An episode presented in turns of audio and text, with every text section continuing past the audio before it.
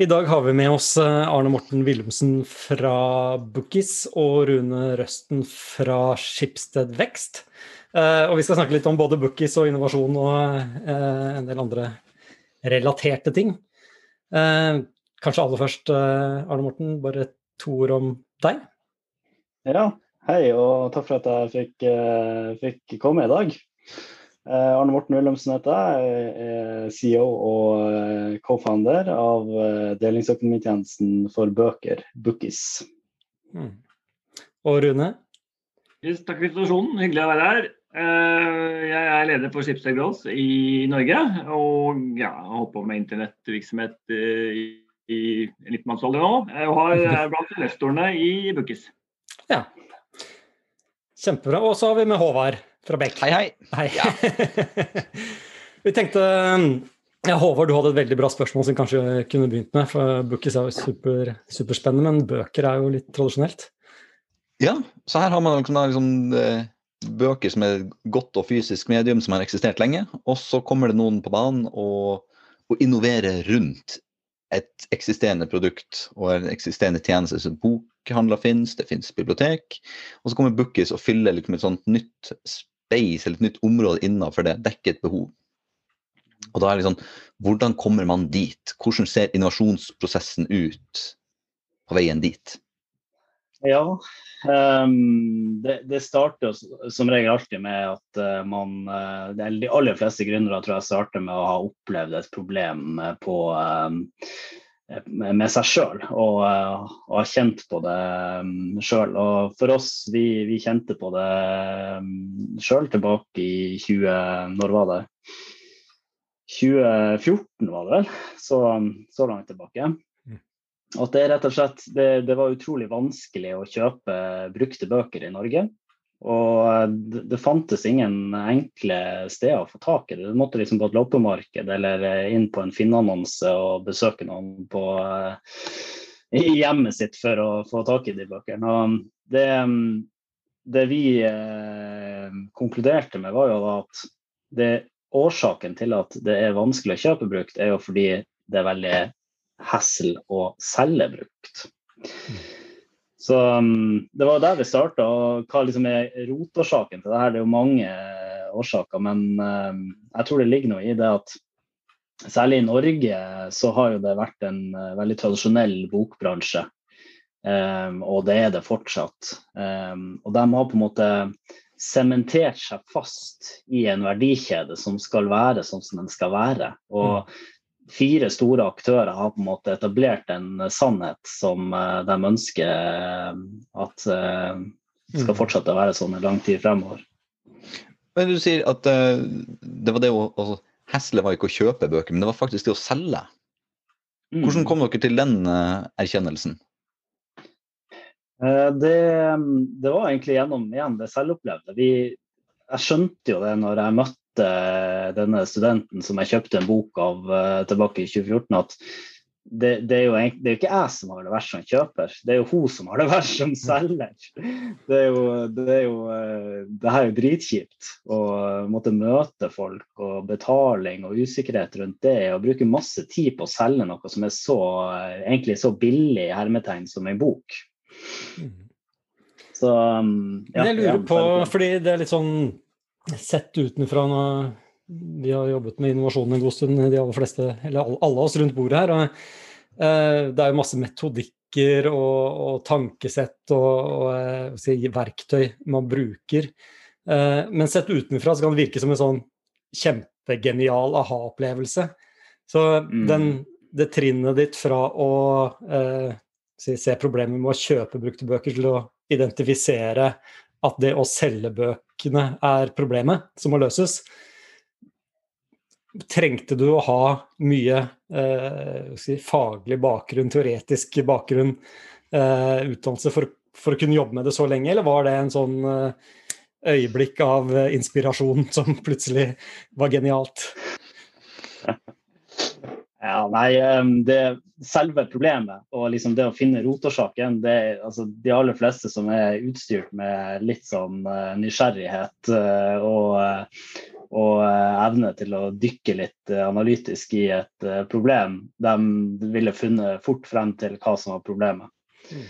Men det, det, som er den, den store utfordringen, det er, jo, det er, jo, når du skal løse problemet. Det er jo å greie å løse problemet, og det er der innovasjonsprosessen virkelig starter.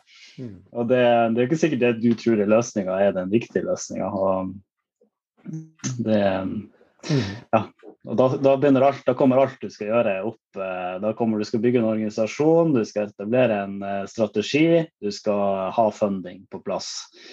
Og så skal du jobbe langs de tre aksene uh, iterativt i, uh, i, mange, mange år fremover. Yes. Og gjerne uten å ha noe særlig lønn, i hvert fall i begynnelsen. yep. Men Rune, hvordan er det her med liksom, eh, Skipsted vekst og, eller growth og, og liksom ja. er, det, er, det, likt? Kjenner du deg igjen, eller er det Ja, jeg kjenner meg igjen. Gjerne gi en uh, nyanse her. Fordi at uh, Sånn som det fremstilles nå, så er det jo slik at, uh, at, det alltid er sånn at man begynner med et problem, og så etterpå så fikser man liksom finner løsningene. Uh, men det er jo ikke tilfellet overhodet. men, men, for oss, og det vi snakker med gründere, så er vi veldig opptatt av at det er liksom slik man begynner. At man starter med problemet. et godt eksempel på det, selskapet som investerte noen år tilbake, var jo Poyo med han er for å lære barn å lese. Eh, og Grunnen til at det spillet ble laget, var jo for at gründeren, Daniel Sønn, han eh, hadde jo en, to sønner. Den ene sønnen hadde dårlig hørsel, eh, og da får det også, det er vanskelig å lære seg å lese når det er dårlig hørsel. Mm. Så for å hjelpe sønnen eh, med å lære å lese og få en bedre start på livet, eh, så lagde han dette spillet. Eh, og, det, og, det, og min erfaring er jo at de startupene som begynner på den måten, har veldig mange, mye større mulighet for å lykkes. da. Mm. Mens det er jo langt fra tilfellet. Veldig ofte så er det slik at de begynner med løsningen. Ja. Det er veldig ofte tilfellet at de har en løsning, og så skal de prøve å finne eh, et, et, problem. Og Det beste eksempelet jeg kjente der, er vel um, Saptek skal vi kjente, de som lager ladere for uh, borettslag, altså elbilladere. Ja. Altså, det de lagde først uh, Jeg var besøkte de i Stavanger for ja, mange år tilbake. Det de lagde da, funnet på, var på en transformator som var veldig liten og veldig smart. Som skulle brukes egentlig i bunnen av borekroner. Ja. Mm. Uh, så fant ut at de der, altså, vi fant ut at vi kunne ikke bytte på olje, nytter ikke, vi kan bruke det til noe annet. Så hadde de på en løsning, og så fant de ut at vi kan, dette kan brukes mye rart. Vi kan bruke den til å bore på Mars. ok. Ja. Det er en løsning som letter etter problem. Ja, det var ganske langt ut av å begynne hva du skulle løse. Eh, men så fikk de en henvendelse fra jeg tror det var fra Peugeot, eller en fransk eh, bilprodusent, om at ja, men, vi, vi, får ikke ladet disse bilene våre i Norge. For det er, det er et annet system i Frankrike i forhold til Norge Vi trenger en transformator her, er det noe dere kan fikse? Og så sa han nei, altså, elbillading Nei, det er jo så jævlig kjedelig. Men OK, vi får lage noe greier til disse folka, da. Og så er jo det laget nå, og er jo, det er jo Saptek er jo elbillading. Det er det de holder på med. Ja. Så, så, det kan jo gå bra på den måten også, men ofte mye bedre å begynne med problemet enn løsningen. Ja, ja for det er neste spørsmålet. Har det noe å si hvis liksom, du til slutt har liksom en, en lykkeligere slutt på det hele? At du, du oppnår det resultatet du skal? Nei, det, kan, det kan gå den veien. Og, og ikke minst innenfor som mye eksempler på Schibsted også, så er det veldig ofte det begynner med løsningen. Eh, og den løsningen som, ligger, som vi samarbeider med Bookies om eller levering av bøker, den er også egentlig et eksempel på at vi begynner på løsningen. Vi begynner at vi har, mm. Løsningen vår er at vi har et enormt stort nettverk av avisbud som leverer aviser hver dag. Mm. Og så faller jo avisvolumet, og så okay, da har vi jo løsningen. Da kan vi bruke den til noe annet. Mm. Så det, mm. det, kan jo, og det har jo vist seg å bli veldig veldig bra. Vi mm. leverer jo frokostpakker gjennom morgenlevering og leverer e-handelspakker. Og vi har startet denne hjem til ja, ja, vet jeg eh, meg til deg-tjenesten som brukes bruker Mm. Men det er ikke den måten jeg vil anbefale gründere å starte på. Det er mye bedre å starte med problemet enn å starte med løsningen. Eh, ja. Men det er jo, altså hvis du er en gründer, så skal du vel gjerne løse liksom et, du har et behov, du skal løse det. Men hvis du er en eksisterende bedrift, litt sånn Schibsted, da, med, som du sier, med masse avisbud, prosessen altså For det er jo innovasjon det å se liksom, vi har overkapasiteter, vi har overproduksjon av kalde bæretjenester som avisbud. Ja. Så er det vel, Jeg går ut fra det er en prosess for liksom å si ok, vi har en produksjon her som skaper noe. Hva kan vi, Hvilket behov kan den også dekke? Ja, Da må vi finne et eh, løs, eller prøve å finne problemer du kan løse selvfølgelig, på en systematisk mm. eh, måte. Helst ikke ja. på Mars. Nei, det, det, var jo litt far-fetched. Det er godt mulig at den satteknologien vil fungere veldig bra på Mars, men betalingsviljen er kanskje ikke så stor. Men, men, men, det er jo også et det her er jo et sånn perfekt eksempel på det med pivotering. Mm. Veldig, veldig, mange virksomheter og startups har, eh, er, er, ikke gode nok på å finne et stort nok problem å løse. Ja. Og kanskje finne dem ut underveis at problemet her det går ikke an å løse, men, men vi kan løse det her. Mm. Og det er jo, som du sier, også Saptek. De hadde jo sannsynligvis trodd at det var et problem nede på den der eh, borekrona, eller hva det var du henviste til. Men så var det ikke det. Og da, ikke sant, evnen til å pivotere og, um, ja. og ref eh, dere begge to som er interessert i evolusjon, så er jo det her eh, en sånn perfekt eksempel på at uh, en pivot er jo en, en evolusjon av, et, uh, av, en løsning til å løse et annet problem. Finne en annen inngangsport for å kunne uh, faktisk kunne bygge videre og, og, vokse på. Mm. Ja. Ja. for det, nå er vi inne på et tema som er veldig nært i evolusjonsbiologens hjerte her, og det er koblingen mellom innovasjon og, og, og evolusjon.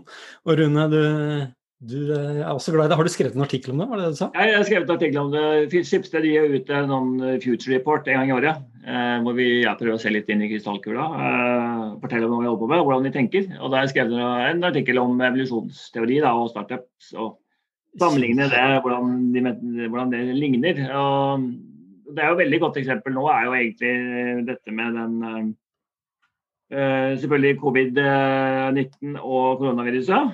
Yes. Hvor uh, det viser jo veldig hvordan emisjonen foregår i praksis. Nettopp ved at uh, det muterer. Uh, og denne mutasjonen da, som er mer smittsom, den vil jo selvfølgelig utkonkurrere de andre variantene egentlig veldig raskt. Yep. Mm. Så det er jo et uh, lærebokeksempel i startups, egentlig. Men, jeg lurer på om dette er så interessant at vi skal ta en egen episode på det. Jeg er helt enig. Jeg har brukt uh, R-tallet. Alle gründere må jakte etter R-tall for produktet sitt. Helt og sette nok uh, mutasjoner ut i, ut i, markedet, ut i befolkningen. Så er da det å frakte bøker og morgenlevering er bare mutasjon av avisbudet? Ja, det er åpenbart. Det er det. Ja, ja. Det er ikke tvil om. Mm. mm. En mutasjon av avisbildet med høyere R-tall. Ja. Mm. Og da blir det ja, hvor reproduksjonsratene hvor det funker. da.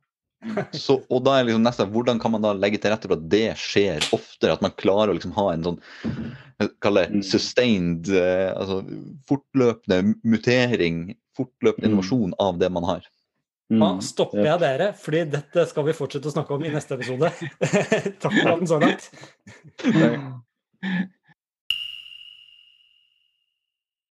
Drypp er en lavterskelpodkast fra Beck, hvor vi diskuterer diverse temaer som interesserer oss. Og Hvis du har et tema som du har lyst til at vi skal snakke om, eller du vil være med på en innspilling, ta kontakt på drypp.beck.no.